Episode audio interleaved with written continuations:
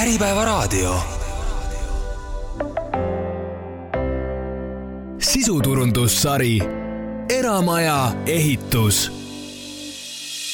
tere päevast, head Äripäeva raadiokuulajad, algab taas kord saade Eramaja ehitus. mina olen Rein Pärn ja täna räägime siin saates projekteerimisest ja projektist kui hoone ehitamise, võiks öelda, stsenaariumi olulisusest ja milliste peamiste väljakutsetega siin vastamisi tuleb seista. ja tänases saates on meil külas peaprojekteerimise ettevõte Haustek ning minu vastas istub Hausteki juhatuse liige ja ehitusinsener Rasmus Kuusemets, tere päevast! tervist! ja Hausteki müügijuht Helen Loo, tere Helen! tere! jällegi peab rõõmuga alustama nõnda, et jah, usinamale Äripäeva raadiokuulajale olete juba tegelikult tuttav, aga aga kes võib-olla ei sattunud eelmist saadet kuulama, siis teeme ikkagi kohe alguses tutvust, et äh, mis ettevõte on Haustek, millega see tegeleb ja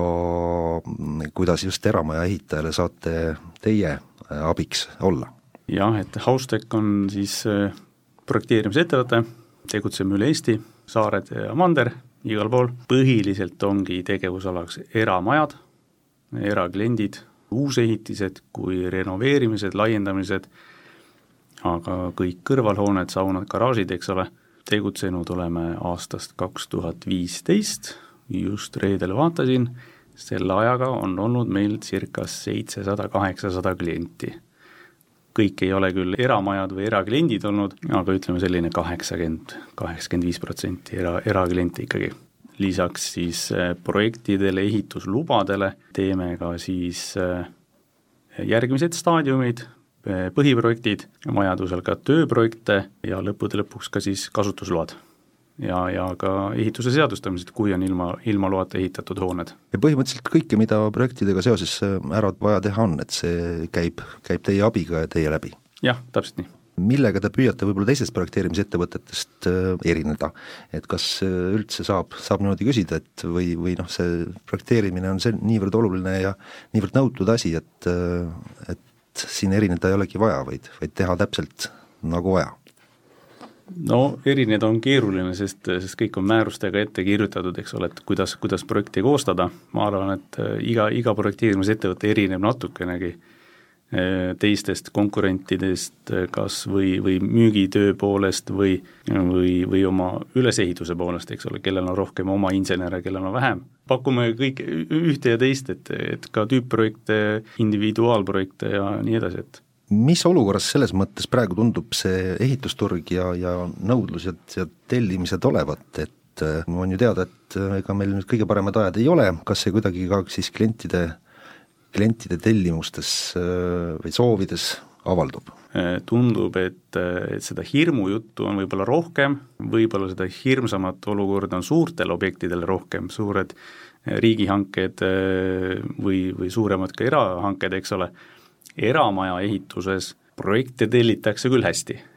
ja, ja tellitakse suuremas mahus kui ma mõtlen staadiumite poolest järgmiseid staadiumeid, põhiprojekte rohkem kui, kui varasemalt. Et klient on nagu teadlikumaks muutunud, projekti tähtsuses ja planeeritakse rohkem ette. no ja see, kui tellitakse projekt, see ei tähenda, et peab kohe järgmisel nädalal ehitama hakkama, eks ole, et projekt on ikkagi selles mõttes üsna ajatu dokument või kuidas selle kohta siis öeldakse. no seda te ju ei, ei tea või või kas te noh, näete, et kui teie poolt on projekt nagu üle antud ja valmis, et siis reaalse ehitamisega läheb veidikene kauem aega, et noh, see Euribor ja kõik see ju hirmutab ja mis siin edasi võib veel saada ja tööturul mine sa tea, mis, mis toimub, et äkki kuidagi on ettevaatlikumaks muututud? Kindlasti ettevaatlikumaks jah, et see Euribor on täna Äh, ikkagi väga kõrge, pangad ei anna väga hästi laenu, proovitakse võimalikult kiiresti ikkagi ütleme, selle vundamendi ehitusega pihta hakata, et, et kui start on antud, siis, siis edasi juba läheb äh, lihtsamalt, aga noh, ütleme, et inimestel on erinevaid äh, põhjuseid, miks, miks ei hakata kohe ehitama, mõni, mõnel on seal juba teised, teised kohad, kuhu seda raha panna vahepeal, et, et igaks juhuks või, või mis iganes, et et aga luba võetakse ära, kui on võimalus, hakatakse ehitama, kui ei ole, siis oodatakse aasta või, või kaks. aga jah, see on vist ikka taval, tavapärane, et noh, see vundament ja kõik see, selle püstipanemine käib päris ruttu, aga siis raskeks läheb siis, kui jääb võib-olla ehitus, ehitus seisma, et, et selle järgi saab aru, kas, kas kliendil oli nagu hästi ette valmistatud kõik see ja läbimõeldud või, või mis iganes takistused võisid seal ette tulla? kuigi on ka kliente, kes, kes ei jõua ka ehitusloani, et kaovad enne ära, aga aga ütleme, kes ikkagi lõpuni loaga läheb, siis, siis see majaehitus on ikkagi suht sil-, silme ees ja, ja oot-, ootab oma rahaliselt, et äh, jäime teie ettevõtte tutvustuse juurde selles mõttes, et äh, lugesin ühte lauset, et olete üks kiiremini äh, kasvavaid projekteerimisettevõtteid praegu Eesti turul, et milles see täpsemalt avaldub? no ma loodan, et me oleme selles suhtes, et kui me alustasime, oleme järjepidevalt iga aasta ikkagi kasvanud nii tööde mahu poolest, käibe poolest, oleme juurde palganud inimesi ja laiendanud enda siis nagu koostööpartnerite võrgustikku, et pakkuda rohkem teenuseid ja et inimene, kui tuleb, et ta saab kõik asjad ühest kohast. et varem pakkusime ainult ehitusluba ja põhimõtteliselt sellega piirduski, eks ole, täna siis võime teha, eks ole, ehitusloast kasutusloani või auditini välja, et kas ka näiteks tellimuste ja, ja müügi poole pealt on seda olnud, et noh, müüginumbrid ikkagi jätkuvalt kasvavad ja kliente tuleb järjest juurde ja lihtsalt äh, ongi see, et äh, millal, millal jõuab nagu järgmise kliendi ette võtta? pigem mina tunnen, et on küll, et ikkagi selliseid unistajaid on vähem, et need, kellel ikkagi reaalne plaan ja võimalused juba nagu lubavad, et need ikkagi äh, teevad selle projekti ära ja võtavad selle ehitamise ka ette, pigem mina näen oma kogemusest, et ähm, et selle ehitusloaga hirmsasti nagu kiirustatakse ja oodatakse, millal see ehitusluba ikkagi nagu kätte saadakse, et äh, kohe-kohe ehitama hakata, et et ju siis tagala on kindlustatud ja ei ole siis nii kehvad ajad siin, siin midagi, et ta äh, asjad, asjad ikkagi liiguvad. on erinevaid, aga noh, mulle tundub. rääkideski projekteerimise tööst kui sellisest, et, et no selgitage, mis asi see täpsemalt siis noh, jah, on selge, et on vaja teha detailselt joonised kõik, eks ole, kuidas see maja äh, ikkagi siis paberi peal välja näeb ja et ta oleks nõuetele vastav ja saaks kiiresti ka load ja, ja lõpuks oleks ka hea, hea maja, eks ole. et see on ju ilmselt kõik, kõik teie eesmärk, aga aga kõige selle nagu läbimõtlemine või, või, või see töö, et, et see on üsna loominguline töö või mismoodi te kirjeldaksite oma seda igapäevatööd? eks ta kindlasti on loominguline töö, eks ole, arhitektid on loominguline töö ja, ja ka oleneb jällegi kliendist, eks ole, kui ütleme, kui klient pöördub meie poole sooviga nüüd mingit maja saada, siis esimene, esimene protseduur on ikkagi see, et aru saada, kas see kliendi soov, eks ole, ütleme, mahub reaalselt nüüd sinna kinnistule ära, kas see vastab ka valla või linna siis äh, planeeringutele ja siis teine küsimus et kas see kliendi soov ka reaalselt tema rahakotile jõukohane on tegelikult, eks ole, et inimesed ikkagi natuke vahest äh, pingutavad sellega üle, et tahetakse igasuguseid ägedaid, ägedaid maju, aga tegelikult see, see rahaliselt ei, ei, ei ole neile jõukohane, et et vahest, vahest tuleks natuke millestki taganeda ka. Et see ilmselt projekteerija elu ja ka tuju ka rõõmsaks ei tee, kui kui olete nagu teie selle eeltöö paberi peal ilusa kena, kena valmis teinud ja siis äh, lõpuks jääbki kusagile selle, sinna vundamendi tasemele, et see on ilmselt äh,, ma ei tea, kas tänapäeval muidugi on, on reaalsus, aga, aga noh, ütleme viisteist aastat tagasi juhtus seda, seda küll, eks ole. Eks, eks seda juhtub täna ka, meil on mitmeid olukordi olnud, kus, kus me tühistame, eks ole, eelnevaid ehituslube selleks, et nüüd uus kinnistu omanik, eks ole, hakkaks uut maja ehitama, et põhjuseid on nii palju, et kes müüb oma kinnistu maha, kolib ära või või, või mis iganes, aga jah, nagu Helen ka ütles, et pigem neid unistajaid on vähem, et, et kes ikkagi projekti hakkab tegema, see ikkagi läheb edasi, et ju siis see vundamendini ainult ei jää, et ikkagi minnakse edasi ka. aga selles mõttes võib-olla hea soovitus, kui siin eramaehitajatele nõu anda, et, et pigem mõelda selliselt realistlikumalt, kui mitte nii, et no kui juba ehitamiseks läks, et siis võimalikult palju ja võimalikult kinnistu täis ehitada ja, ja nii palju korruseid, kui veel annab, et vaid mõelda re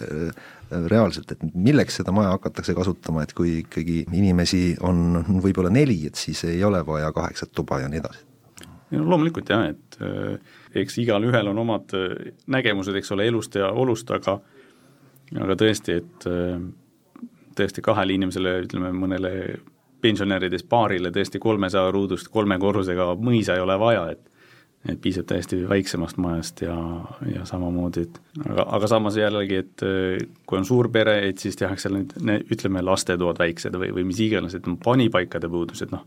ja see tasakaal tuleb leida ikkagi sellest, et mis on see mõistlik ja, ja, ja mis on nagu võimalik, eks ole. on mingisugused trendid, et mida praegused äh,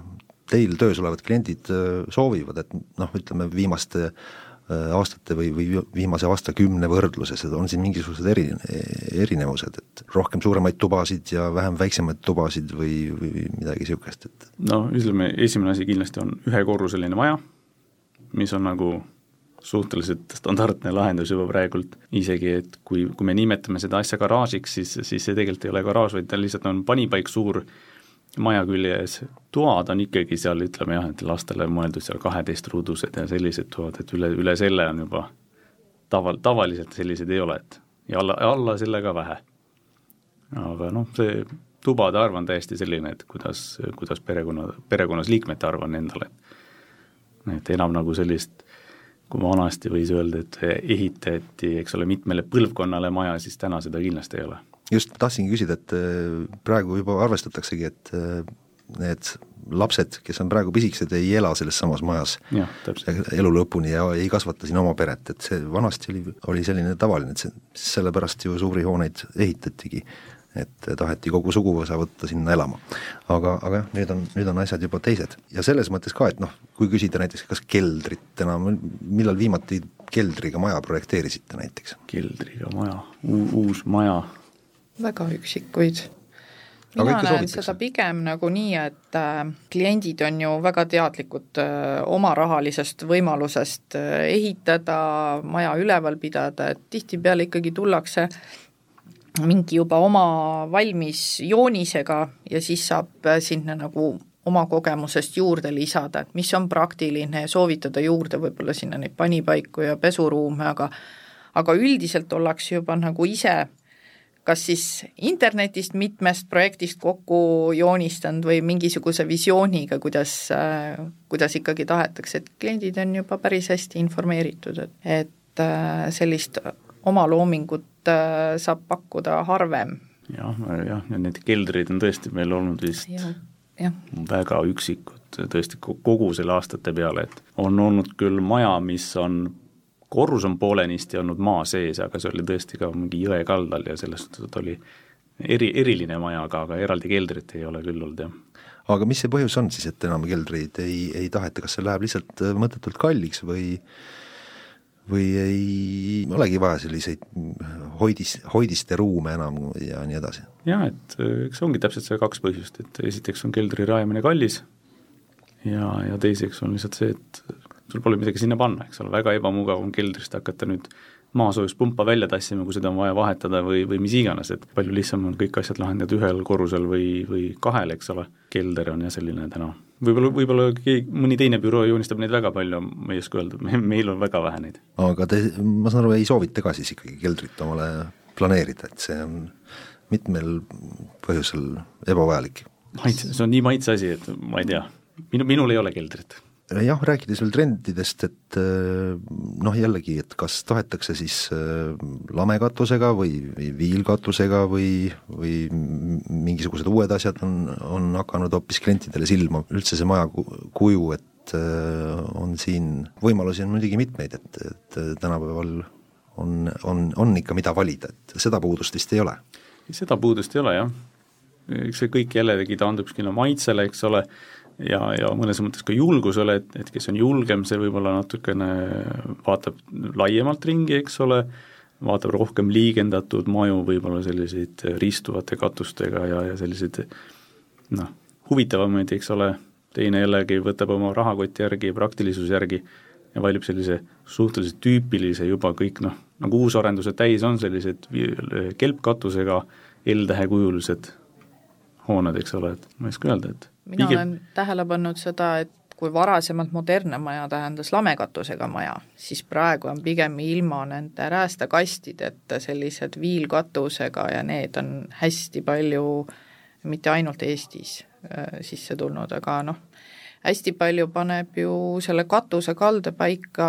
krundile seatud nõuded, kas projekteerimistingimused või detailplaneering, et sealt peab näpuga järge ajama, mis üldse konkreetses piirkonnas lubatud on ja siis selle järgi siis vaatama, et mis võimalused tahtsin küsida ka teie konkreetsemate tööde kohta, mis te võib-olla viimasel ajal olete noh, päris lõpuni valmis teinud, et et äh,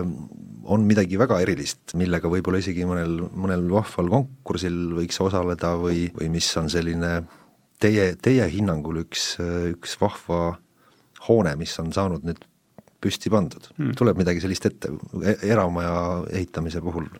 eriti siis? öelda, kas meil just nii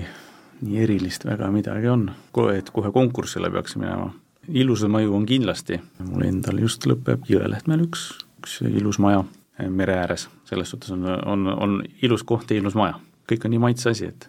Ja. aga, aga me püüame seda parandada, meil on nüüd, on nüüd tegelikult koostööga ühe ühe äh, välismaa arhitektiga, kellega me siis oleme ka siin Eestis konkurssitel osalenud juba, et ja osaleme veel, püüame nagu seda oma kunstilist taset tõsta oluliselt. kas ma saan õigesti aru, et teil äh, on ka võib-olla lihtsam kõiki asju ajada, kui kui ei ole selliseid äh, plaan-, noh, detailplaneeringutes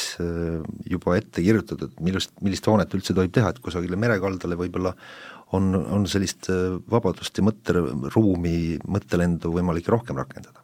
jah, selles suhtes, et väga tihti on see, et see detailplaneeringud on kuidagi kopeeritud üksteise pealt ja seal kuidagi need tingimused on seadnud selle nagu väga, väga igavaks, eks ole, et kui seal oleks natuke rohkem noh, tegevusruumi, saaks palju ilusamaid hooneid, eks ole, teha, et et loomulikult saab ka nende tingimustega ilusaid asju teha, aga aga jällegi see klient hakkab, eks ole, võtma nende tingimuste järgi mingeid näidiseid ja siis nagu sealt kaugemale väga ei jõuagi, eks ole, ja võib-olla ei jõu-, ei julge ka kuidagi noh, katsetada sellega, et ikkagi kusagil äh, kaugemal maapiirkonnas või mis iganes veekogu kaldal on piiranguid nagu on vähem või? pigem, pigem ütleks jah, et uusarenduses on igavamad majad ja ikkagi kaugemal metsa sees järve või, või merekaldal, jõekaldal on ikkagi sellised huvitavamad. et seal siis soovitate ka võib-olla äh, tõesti ise joonistada ideaalne maja nagu paika ja las-, laske nagu mõttel lennata et mitte otsige sellist mingit tüüpprojekti seal taga. ei, miks seal võib võtta ka täiesti tüüpprojekti noh, mingisugused ruumiplaneeringud või selles suhtes, et tüüpprojekt on väga hea asi inimesele, et ta saab endale nagu sellist äh, sisendit, eks ole, et noh, mida üld-, mis üldse võimalik on, eks ole. et ise päris nullist hakkate mõtlema, siis jätke seal iga, iga tuba on väike kastike, eks ole, tüüpprojektides saab nagu sellist äh, inspiratsiooni rohkem ja ka sellest tüüpprojektist, äh, see korruse plaanist ei pea tulema tüüpprojekti maja välimus, eks ole, sealt võib ju täiesti teistsugune maja tulla välja, et võib täiesti kasutada tüüpprojekti plaanilahendust, seda saab veel muuta ja, ja vastavalt enda soovidele, eks ole. Tahaks äh, jätkata seda teemat, et rääkida siis ja selgitada tulevastele eramaja ehitajatele, et kuivõrd oluline on juba projekteerimise faasis võimalikult palju läbi mõelda ja detailid äh, paika panna või kui suur osa äh, võikski jääda nagu lahtiseks ja, ja koos äh, projekteerijatega ja, ja ka koos ehitajaga hoopis läbi mõelda, mis teie praktika on näidanud, et kuidas need asjad võib-olla kõige suju-, sujuvamalt lähevad, kui palju omanik ise võiks panna ja saab paika panna ja välja, välja mõelda, kui palju ta selle peale aega peaks raiskama, kui palju võiks jääda selliseks koos, koosmõtlemiseks? selles suhtes on, on ikkagi hea, kui, kui klient ise teab, mida ta, mida ta tahaks, eks ole. et see, mida tahab, selle me saame alati parandada. aga kui ta ise ka päris täpselt ei tea, siis on, siis on väga raske sinna projektile üldse seda lõppu leida lõpuks. et me jõuame ühe versiooniga kusagile, siis, siis me kaks nädalat mõtleme, tuleme teisega, kolmandaga, neljandaga, et lõpuks see projekteerimise protsess läheb juba, juba mitme aasta peale, et, et ja, ja, ja, lõpuks ei ole ikkagi meil lõppu, eks ole, et pigem on see, et kui klient juba ise teab, millist majagi ta vähemalt äh, võiks tahta või mis on ta elus eesmärgid või, või tulevikuplaanid, et siis on nagu ikkagi lihtsam kõigil, mitte ainult meil, temal ka. et nii ei ole, et klient tuleb äh, ja tal on võib-olla väga konkreetne nägemus juba olemas, aga, aga teie näete kohe, et võib-olla selle äh, valmistamine võib osutuda keeruliseks? loomulikult võib nii olla ka jah, et kui ikkagi kohe on algusest näha, et on, äh, on mingisugused osad sellest majast, mis, mis võivad täiesti mõttetult kalliks minna, eks ole, samas klient ütleb, et mul on ikkagi mingi eelarve ees, et siis piduri peab peale tõmbama. et parem seda kohe alguses teha, kui, kui lõpus ehituse ajal aru saada, et et maja ehitus läheb sada tuhat kallimaks, et mis need konkreetsemad näited on või hooneosad võivad ette tulla, noh keldrist me juba rääkisime, no ma ei tea, mingisugused tornid või klaaskuplid või mis iganes võivad siin pähe tulla? no õnne, õnneks torne ja klaas, klaaskupleid ei, ei tellita enam väga, aga, aga tänapäeval, eks ole, suured klaasfassaadid väga, väga populaarsed ja eriti eriti mida soovitakse, on, on täiesti klaasist majanurgad, eks ole, ja samas, samas täiesti avatud elutoad, köögid, mille, mille nurgad ongi klaasist, eks ole, et aga, aga kusagil peab ju maja katus ka püsima jääma. see on selline asi, mis muudab ehituse jällegi kallimaks, kuna seal on mingi eriline konstruktsioon, eks ole, et, et see on kohe asi, kuhu, kuhu võiks selle piduri peale tõmmata, et, et kui meil on eelarve ikkagi mingisugune liim-, limiidiga ees, et, et siis ei saa nagu seal väga palju nüüd eri, erilahendusi teha. aga mismoodi te selle asja siis lahendaksite, et noh, võimalikult palju klaasi ikkagi oleks, aga, aga maja tõesti nurk ka püsti püsiks ja katus seal peal? täpselt nii tulebki teha, et võimalikult suured klaasaknad, aga, aga nurkadest natuke eemal ikkagi. jah, et siis ikka nurgas oleks mingisugune konkreetne tugev asi. jah, täpselt. jah, siis ongi teie töö on selgitada kliendile, et, et ei saa ikkagi ainult klaasist, see, see ei ole võimalik. no saaks, aga asi on rahakotis, eks ole, et just, just nägin internetis ka pilti, kus oligi täiesti ilma seinteta ja katus kandis, eks ole, aga, aga see on võimalik ainult suure rahakotiga, et, et ei saa päris niimoodi, jah ja üldsegi, kas noh, see küsimus, et kas võttagi jälle kataloogist midagi, eks ole, või, või kohe või, või alustadagi nagu nullist täiesti, et hakkad ise kas mõtlema või siis enam tullakse teie juurde laua taha ja kirjeldatakse, et enam-vähem niisugust hoonet ja siis, siis hakata nagu, nagu tegema või küsimus on selles, et esmalt, mis see rahakotile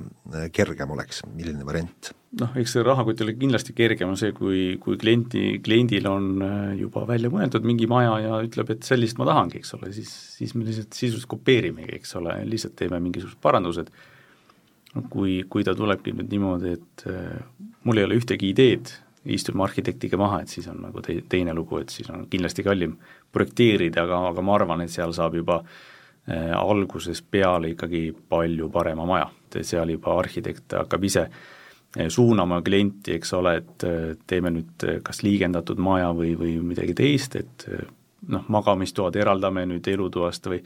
või, või mis iganes ja, ja, ja olgu see krundile asetus ka, eks ole, kohe juba paremini paika, kui kui me võtame sealt mingi tüüpprojekti kusagilt netist ja hakkame seda muutma. aga selles mõttes kataloogi projekti puhul kas ei võiks juba eeldada, et, et see on juba ka reaalses elus nagu läbi proovitud, eks ole, et see maja töötab, seda maja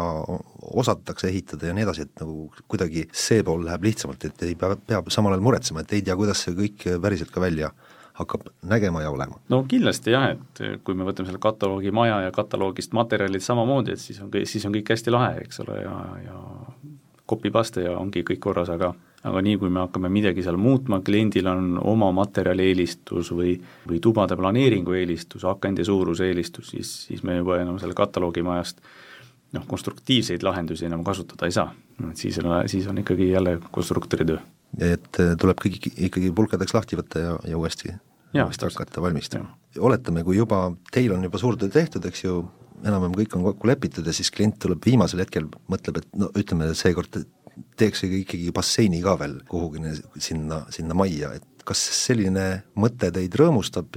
või, või vahet ei ole, et noh, töö on töö, tuleb ära teha? see ole, oleneb nüüd, kui hõivatud meil joonestajad ja kõik on, et, et kui on väga hõivatud, siis loomulikult väga hea uudis see ei ole, et me peame nüüd maja ümber hakkama joonestama, et aga aga kui klient soovib, siis miks mitte, jah. kui, kui see tundub äge ja, ja mõistlik sinna see bassein panna, siis ja, ja lõpuks on äge maja, siis tõesti, jah. miks ka mitte? miks ka mitte, muidugi, jah aga no jällegi, tõenäoliselt see kõik läheb äh, oluliselt kallimaks. loomulikult. kuid jällegi see hinna, hinna küsimus, no võtame siin keskmine, mis see eramaja suurus siis võib äh, olla või mis teie ütleksite, on see kuskil kakssada, kakssada viiskümmend või sada viiskümmend ruutmeetrit või kui me selle võtame aluseks, et äh, tellides siis maja nullist või kataloogist võtta, et kumb see siis lõpuks odavam tuleb? Kui jah, eeldada, et klient jääb, jääb selle kataloogis kirjas oleva juurde, et ei hakka seal midagi muutma? projekti poolest ta kindlasti võidab, aga ehituse poolest mitte. ehituse poolest on ikkagi, kõik on sama hinnaga, maja suurused keskmiselt ma ütleks, on ikkagi seal saja seitsmekümne, saja viiekümne kandis, aga see täiesti varieerub, mul on täna üks klient, kus maja suurus on kuuskümmend kuus ruutmeetrit on seest ja kõige suurem maja vist oli kakssada kolmkümmend hetkel. Et, et see, see vahemik on täpselt selline. kooskõlastamise teema, kuidagi sellest jooksime ka saate esimeses pooles kiiresti üle, et äh, levib selline arusaam, et kohaliku omavalitsusega kõik kooskõlla saada, et see võtab nagu jube kaua aega. kas ta võtab kaua aega ja kui palju on mõistlik aeg see on nende kõikide asjade kooskõlastamise peale, mis võiks kuluda? kas just nüüd kaua võtab aega, mõnes omavalitsuses võtab kauem kui teises, mõnes saab väga kiiresti ja, ja mõnes äh, ei saa nii kiiresti. aga keskmiselt noh, kooskõlastamised peale meil läheb circa öelda isegi poole aasta kanti vast oleneb täiesti vallast. kuna me oleme pigem Harjumaal on hästi palju kliente, siis, siis Harjumaal pigem jääb sinna poole aasta kanti, et aga on olnud ka kaheaastaseid projekte. millest see vahe siis tuleb, et jah, omavalitsuse suurus on üks asi, et ma saan aru, mida suurem omavalitsus, seda rohkem ilmselt on seal menetlemist ja see, see võtab rohkem aega. ja väiksemates võib-olla lähevad asjad kiiremini, jah? jah, eks oleneb, ütleme, Tallinnas võib siin mõjuda ajale näiteks see, et kas kaasatakse ka naabrid, kui naabril on jälle midagi öelda, siis, siis jällegi me saame muuta, eks ole, ja sealt see lumepall hakkab veerema, et iga kord jälle tuleb see menetlusprotsess meile lihtsalt juurde ja kusagil maakohas, kus naabreid ei ole ja ja kõik on hästi, siis saame väga kiiresti tehtud selle, et mille üle need naabrid siis äh, tavaliselt kurdavad, et kas on ikka viis meetrit krundi-piirist või ei ole või kas on liiga kõrge või no neid põhjuseid on erinevaid olnud, on olnud lihtsalt otsitud põhjuseid, et naabrit kiusata, põhilised küsimused on ikkagi õhkssoojuspumpade müra, mis, mis võib hakata naabrit segama, eks ole, et et see on nagu selline põhiline küsimus, et kas õhksoojuspump on nüüd minu aknast nagu piisavalt kaugel ja, ja mis õhksoojuspumpa te nüüd kasutate, et see, see on nagu see põhiline küsimus. ja, ja ja teine küsimus on tuleohutuskujad, eks ole, et, et naabrihoonete vahel peab olema kaheksa meetrit, alla selle siis on vaja juba, juba tuletõkkeseinad või tuletõkkemüürid, eks ole. ja, ja kes ikka tahab siis olla see, kes peab hakkama seda müüri ehitama endale, et et noh, see on, see on see teine küsimus, mis, mis seda mõjutab. aga kohaliku omavalitsuse poole pealt, mis on siin äh, võib-olla pika aja või kas on pool aastat või kaks aastat? noh, täiendavad nõuded, ütleme, et äh, vahest on olnud äh, täiendavalt, et on vaja mingit dendroloogilist uuringut läbi viia, mingisuguseid hinnanguid teha ja, ja lisatäiendavaid projekte veel tellida, millest võib-olla alguses isegi me ei mõtlenud, et et selliseid asju, jah. et ütleme siis kiuslikkust äh, ei, ei ütleks, et oleks, et lihtsalt, lihtsalt venitamise pärast, lihtsalt äh, mõnedel linnadel ja valdadel on oma see protsess on teine, et, et mõni lihtsalt vastabki viimasel päeval, mis on tähtaega antud, eks ole, ja nii ongi. ja kui menetlusringidel on neid kaasatud pooli, on, on rohkem, võrkude valdajad ja noh, lisaks Päästeametile ja erinevad mingid võib-olla veel mingid ametkonnad, et siis igaüks võib märkuseid kirjutada ju. et selle võrra võib, võib see protsess venida. jah, ja siin Tallinna ümbruse linnadel ja valdadel on on neid valla enda menetlejaid on rohkem ja eks siis igaüks, eks ole, kirjutab ja mõtleb, eks ole, ja siis ja sinna, sinna see takerduma jääbki, eks ole, et kusagil kaugemal on üks, üks ametnik vallas ja tema vaatab kiiresti läbi, kõik korras ja allkiri, eks ole aga kas mingisugust äh, seadusega paika pandud menetlemise raami ei ole ette antud, et kui kiiresti üks omavalitsus äh, peaks selle asja läbi menetlema? tegelikult on äh, projekti esitamise päevast alates on kolmkümmend päeva, selle aja jooksul tuleb anda siis vastus hmm. ja see vastus võib olla lihtsalt siis märkused, eks ole. ja siis, kui sa saadad uuesti projekti menetlusse, siis on jälle kolmkümmend päeva ja niimoodi see kolmkümmend päeva käibki siis poole aasta kaupa või, või kauem, eks ole, et et üldiselt antakse ka projekteerijale mingisugune tähtaeg, kaks nädalat või, või, või kolm nädalat, mille jooksul ta peab siis need märkused ära parandama ja tagasi esitama menetlusse, aga, aga tihti neid äh, ei antagi, aga, aga seega meid ei mõjuta, sest me proovime neid märkuseid hakata juba ka e-, ette nagu lahendama, et me näeme noh, kes, kes esitab neid märkuseid ette ehituse registrisse, siis, siis, siis me need märkused lahendame juba menetluse ajal, eks ole, et, et enda aega nagu võita. Aga, aga selles suhtes jah, et neid kordade arvu nüüd seadusega ette ei ole piiratud, et mitu korda võib üks projekt edasi-tagasi käia seal vallas või linnas? ma loen igal juhul välja küll seda, et ähm, kui mõni kuulaja ikkagi mõtleb, et ah, teen selle projekteerimise faasi ka kõik ikkagi ise läbi, mis sest, et ei ole inseneri ega arhitekti haridust ette näidata, et, et seda ikkagi ei ole mõistlik teha, et tark oleks kaasata projekteerimisettevõte ja siis asjad sujuvad ja saavad, saab lõpuks maja valmis ka ehitatud. seda enam, et, et üldse ehitusloa kohustuslikku projekti koostada, on vaja arhitekti pädevust. et niisama, täna enam niisama inimene ei, saa enda maja joonistada. aga isegi ka siis mitte, kui tellidagi teie kataloogist öö, otse see, see projekt kõik, maksta selle eest öö, raha ja siis ise hakata kohaliku omavalitsusega asju ajama, ka see võib osutuda ikkagi päris keeruliseks ja üle mõistuse aega võtvaks. Mm, noh, projekti, ütleme projektipanga projektidega on selline lugu, et eh, seal on, klient ostab endale autoriõiguse, ühekordse autoriõiguse ja selle autoriõigusega siis ta võib pöörduda ükskõik millise projekteerimisettevõtte poole, kes talle siis vormistab eh, meie seaduste järgi äh, vastava projekti, eks ole, ehitusloa taotlemiseks. et päris niimoodi, et võtad selle projekti sealt, mis on siis inglise keeles või, või osadel juhtudel ka poola keeles, et sellega kahjuks meil, meil luba kätte ei saa. et mulle paistab küll, et projekteerija igal juhul ei ole selline Äh, töötaja või projekteerimisfirma, kes, kes teeb nagu selle paberi asja korda, vaid te ikkagi olete kuni maja lõpliku valmimiseni selle, selle ehituse kõikide faaside juures, et selles mõttes hea, hea abimees ja nõuandja algusest lõpuni. me püüame jah, eks see on kliendi enda valik, kas ta, kas ta meid kaasab sinna ehitusprotsessi juurde või mitte, mõni ehitusprotsessi juurde meid ei kaasa, aga, aga küll saame teha näiteks kasutusteatist või, või kasutusluba, eks ole aga, aga see on jah, selline klientide enda, enda küsimus, et, et kas ta, kas ta kutsub meid vahepeal ehituse, ehituse juurde ja küsib, et kuidas siin või seal või või mis sellega teha, et aga, aga selles suhtes ega meie telefon on alati olemas, et võtame vastu, kui kui mõni küsimus on või et hüva nõuga ikka aitame. aga tuleb seda ka ette, et äh, lähete hiljem võib-olla kõnnite, jalutate mööda sealt kohast, kuhu kuhu sai see projekt kirjutatud ja vaatate, et oot-oot-oot, see on ikka hoopis teine hoone? minul päris nii ei ole juhtunud, et täiesti teine hoone oleks, aga eks, eks mingeid muudatusi ikka tuleb, jah. vaadatakse, et ah, seda seina siia, siia ei ole vaja, seda kohta ka ei ole vaja, mis sest, et see võib-olla projektis on kirjas kui mingisugune tuletõkke element selle maja juures, eks ole, mis on, mis on vajalik, et üldse majale kasutusluba saada ja nii edasi et seda ei olegi tehtud ja ma ei tea, elektrisüsteemides on midagi imelikku toimunud ja peaksid, peaksite ikkagi nagu vaatama, et pidevalt, et mis seal majas, kuidas see ehitus käib ja mis, mis toimub või, või te, te ei ole kohustatud seda jälgima või? tegelikult ei, ei, me ei ole kohustatud jah, jälgima selles suhtes, et mis seal ehituse ajal nüüd toimub peale meie projekti valmimist, eks ole aga,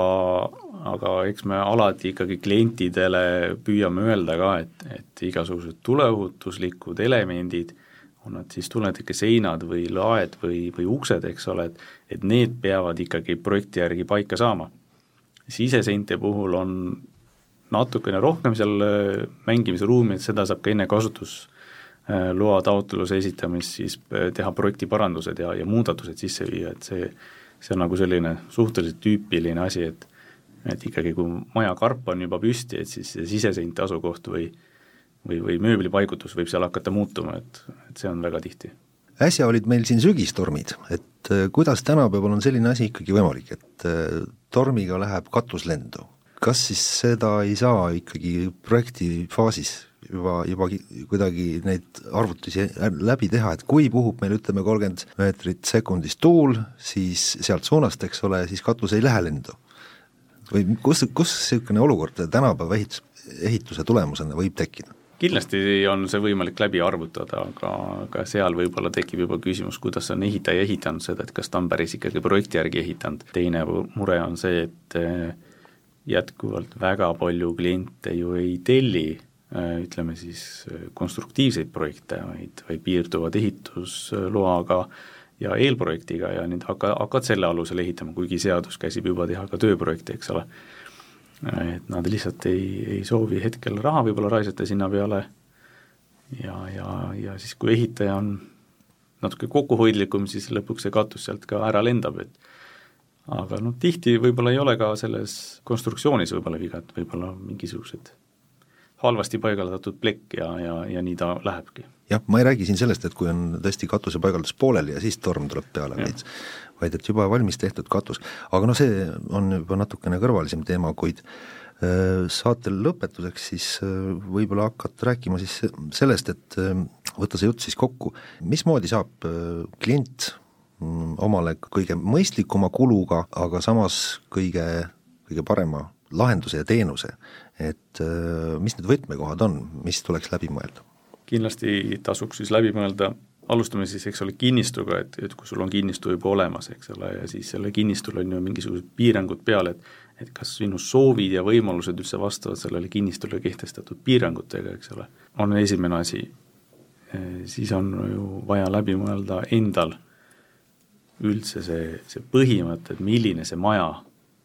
sisemus võiks olla, et kui palju neid tube või, või asju. ja siis, siis tasuks juba hakata pöörduma, eks ole, arhitekti poole, et et ma tahaksin seal ne-, nelja magamistuba, kolme ma-, vannituba ja ühte suurt kööki elutuba, eks ole. et hakkame nüüd sellest nagu siis tegema ja krunt on selline, et et siis ma arvan, saab kõige parema lahenduse, et ikkagi võimalikult alguses eh, mitte väga noh, ütleme, on olnud kliente, kes tulevad, et mul on nagu selline maja ja sellist ma tahangi, eks ole, et sealt ei tule nagu väga head seda tulemust. et see ei ole kõige parem alati, et parem on tulla lahtise peaga, et sul on nagu põhiasjad on nagu selgeks tehtud, et ma tahaks nagu maksimaalselt seal kakssada ruutu või, või mis iganes, nii palju tube ja, ja sellist ja, siis tulla nagu arhitekti juurde, et teeme nüüd ilusa maja, eks ole, siis, siis saab hea, hästi, siis saab hästi tehtud ja mina võib-olla lisaks selle ka juurde, et kliendid on, on nagu Rasmus põgusalt rääkis korra alguses ka seda, aga et on natuke teadlikumad ja iga aastaga rohkem on neid, kes tellivad äh, nii projekti äh, eelprojekti staadiumis kui juurde pärast ka põhiprojekti eriosad, et olla võimalikult hästi varustatud äh, ehitamise ajaks ja siis äh, on teadlikud, et pärast on ehitus selle võrra soodsam, et natuke kulutatakse rohkem projekteerimise peale, aga, aga pärast siis selle võrra on juba info levinud, et siis, siis saadakse natukene soodsamalt ehitada, tekib vigu vähem. Või hea vanasõna nagu ütleb, et raskem õppus teile kerge lahingus ja, ja kuidas öelda, et kui on ikka hea kodutöö tehtud, siis on pärast eksamil ka kergem, et, et tuleb ikkagi see eeltöö põhjalikult ära teha ja seal ei tasu nagu ajas ega ega kuludes eriti kokku hoida, et äh, see, see säästab kõikide osapoolte aega, ressursse, närve ja nii edasi. jah, täpselt nii väga tore, äh, no midagi vast saime projekteerimise maailmast räägitud ja ja eks see ehitamine on ikkagi väga suur töö ja, ja selliseid ettearvamatuid või või noh, ootamatuid ähm, olukordi võib ikka ette tekkida, selle vastu äh, keegi ei saa.